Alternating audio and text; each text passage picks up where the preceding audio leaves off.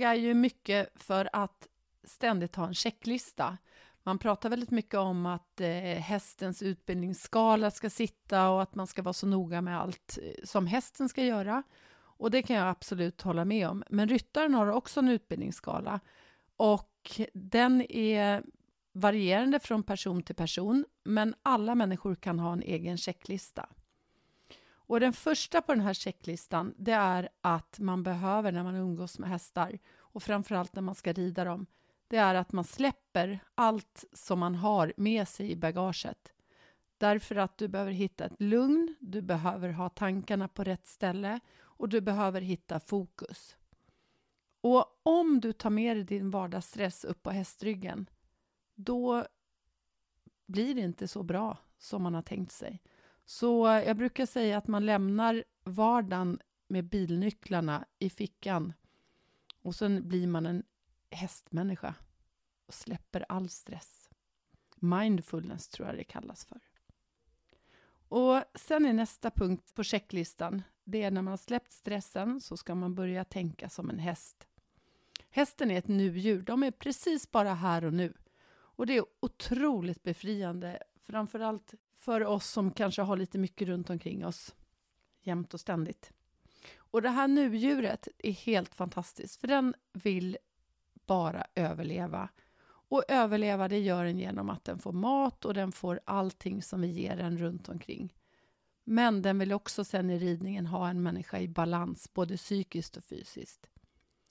Och om hästen är i balans själv, då har den i ridningen tre saker som den vill ha hjälp med. Den ena saken är att den vill ha reda på vilken gångart vill du ha. Den andra saken den vill ha reda på är vilken fart i gångarten har du önskningar om. Och den tredje saken är vilken väg vill du ta? Och så fort man hamnar i svårigheter så bör checklistan vara Sitter jag i balans? Förstår hästen vilket håll, vilken fart och vilken gångart den ska ha? Är svaret nej på någon av de här? Jag sitter inte i balans. Hästen förstår inte gångart. Den har ingen koll på vilken väg den ska ta för jag har inte bestämt för jag rider bara på att jag korrigerar. Då är det bara att andas ut och börja om från början. Och dig själv då? Nu kommer checklistan till dig. Känn att du sitter mitt över hästen, att det är lika mycket du på var sida av hästens ryggrad. Lika långt mellan höger höft och axel som vänster höft och axel. Lika långt fram till höger hästöra från ditt högeröra som det är vid vänster hästöra till ditt öra. Eller tänk axel mot öron om det är svårt att tänka öra-öra. Därför att om du är vriden i kroppen så kommer det bli en orsak. Då kommer hästen gå lite på sned hela tiden. Och om du inte förstår att du själv sitter snett så kommer du börja korrigera med motsatta tygen. Till exempel du sitter längre bak med vänster axel och du kommer tro att hästen hela tiden tränger inåt eller går snett för att den är dum, för att den är massa saker. Men tänk om den bara går snett för att den försöker göra precis som du sitter. Och börjar man då korrigera med en hård vänsterskänkel eller en hård högertygel, då rider du på att du korrigerar istället för att du agerar, det vill säga sätter dig själv rakt upp och ner. Sen går vi till de här berömda händerna. Och det är det här att jag vill att armarna är böjda, att det ska vara en rak linje från din armbåge till hästens mun. Sen kommer vi med handställningen. Handleden ska vara rak. Tummen ska vara överst. Och om du sätter ihop dina händer så ska mellandelen på fingret, de knogarna, de ska komma nära varandra. Och då kommer höger tumnagel peka mot hästens vänstra öra. Och vänster tumnagel kommer peka mot hästens högra öra. Och så finns det ett litet men. Håller du ett spö så blir det lite stumt i handen. Men om vi nu säger att du inte håller ett spö så blir det relativt diagonalt från höger tumme till vänster öra. Dina händer ska vara buren. Det betyder att jag vill att vill förklara så här att om du sätter ihop händerna så knogarna går ihop och så särar du på dem 5 cm. Och så lyfter du upp handen 5 cm.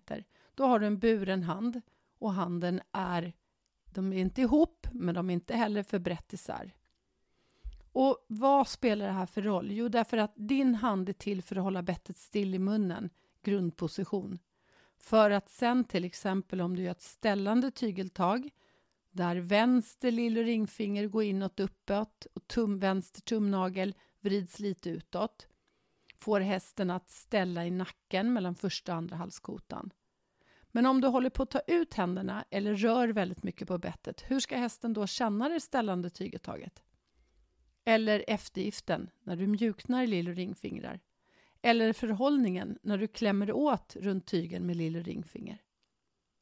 Så dina armar och dina händer, de är jätteviktiga för att hästen ska känna de små rörelserna.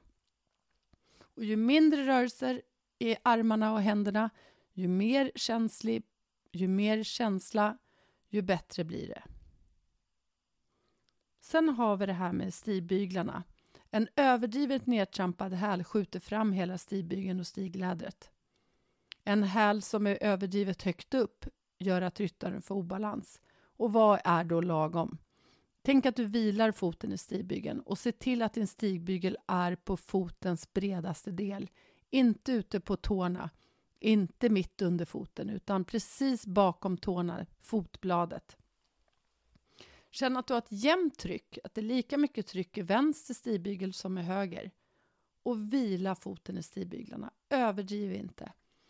Därför att när vi överdriver tramp i stigbygeln, till slut så blir benet väldigt stumt. Och alla dina leder i din kropp behöver vara följsamma. Men musklerna håller en anspänning. Så det betyder att du ska kunna spänna i armen, du ska kunna spänna i benet, men ändå hålla leden mjuk. Och det kan man öva på jättemycket när man sitter och kör bil eller när man sitter i skolan eller när man sitter på jobbet. Man kan spänna en del och ändå hålla leden mjuk. Så kommer vi till huvudet, huvudsaken. Hästen går väldigt mycket på din blick. Jag vill att vi försöker hålla blicken mitt mellan öronen, ända fram till banhoppningen. Då vill jag att du ska kunna vrida på huvudet. Ibland ska man ta med kroppen när man vrider på huvudet, till exempel en snabb sväng. Och väldigt ofta så ska huvudet bara vridas för att kolla vad hindret är. Att jag brukar tänka att huvudet har en tittblick, alltså man håller axlarna helt still och bara vrider på huvudet utan att någon annan del av din kropp följer med. Då kollar du vad som händer runt omkring. Och sen har du en vändblick. Det är när du tar med dig din kropp in med blicken, eller ut med blicken. Med magögat, om du tänker att du har ett magöga på din säkerhetsväst om du rider med det. Annars får du ha den bara på tröjan. Då går vi vidare med huvudet. Huvudet är väldigt tungt på människans kropp. Och jag vill att du håller upp din blick, att du håller din haka. Ibland, man ska inte sticka fram hakan för långt och man ska inte ta hakan neråt, men tänk att du håller blicken upp och tar in hakan lite grann så att skulderbladen kommer ihop. Om du tar fram hakan, då går skulderbladen lite så här.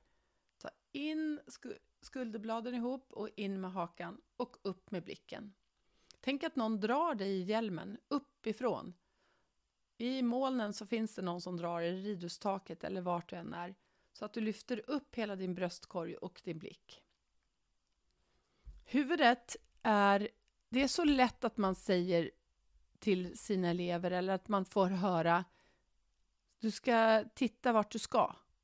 Men när vi börjar vrida för mycket på huvudet, då blir det en obalans. Försök att ha blicken mitt emellan öronen.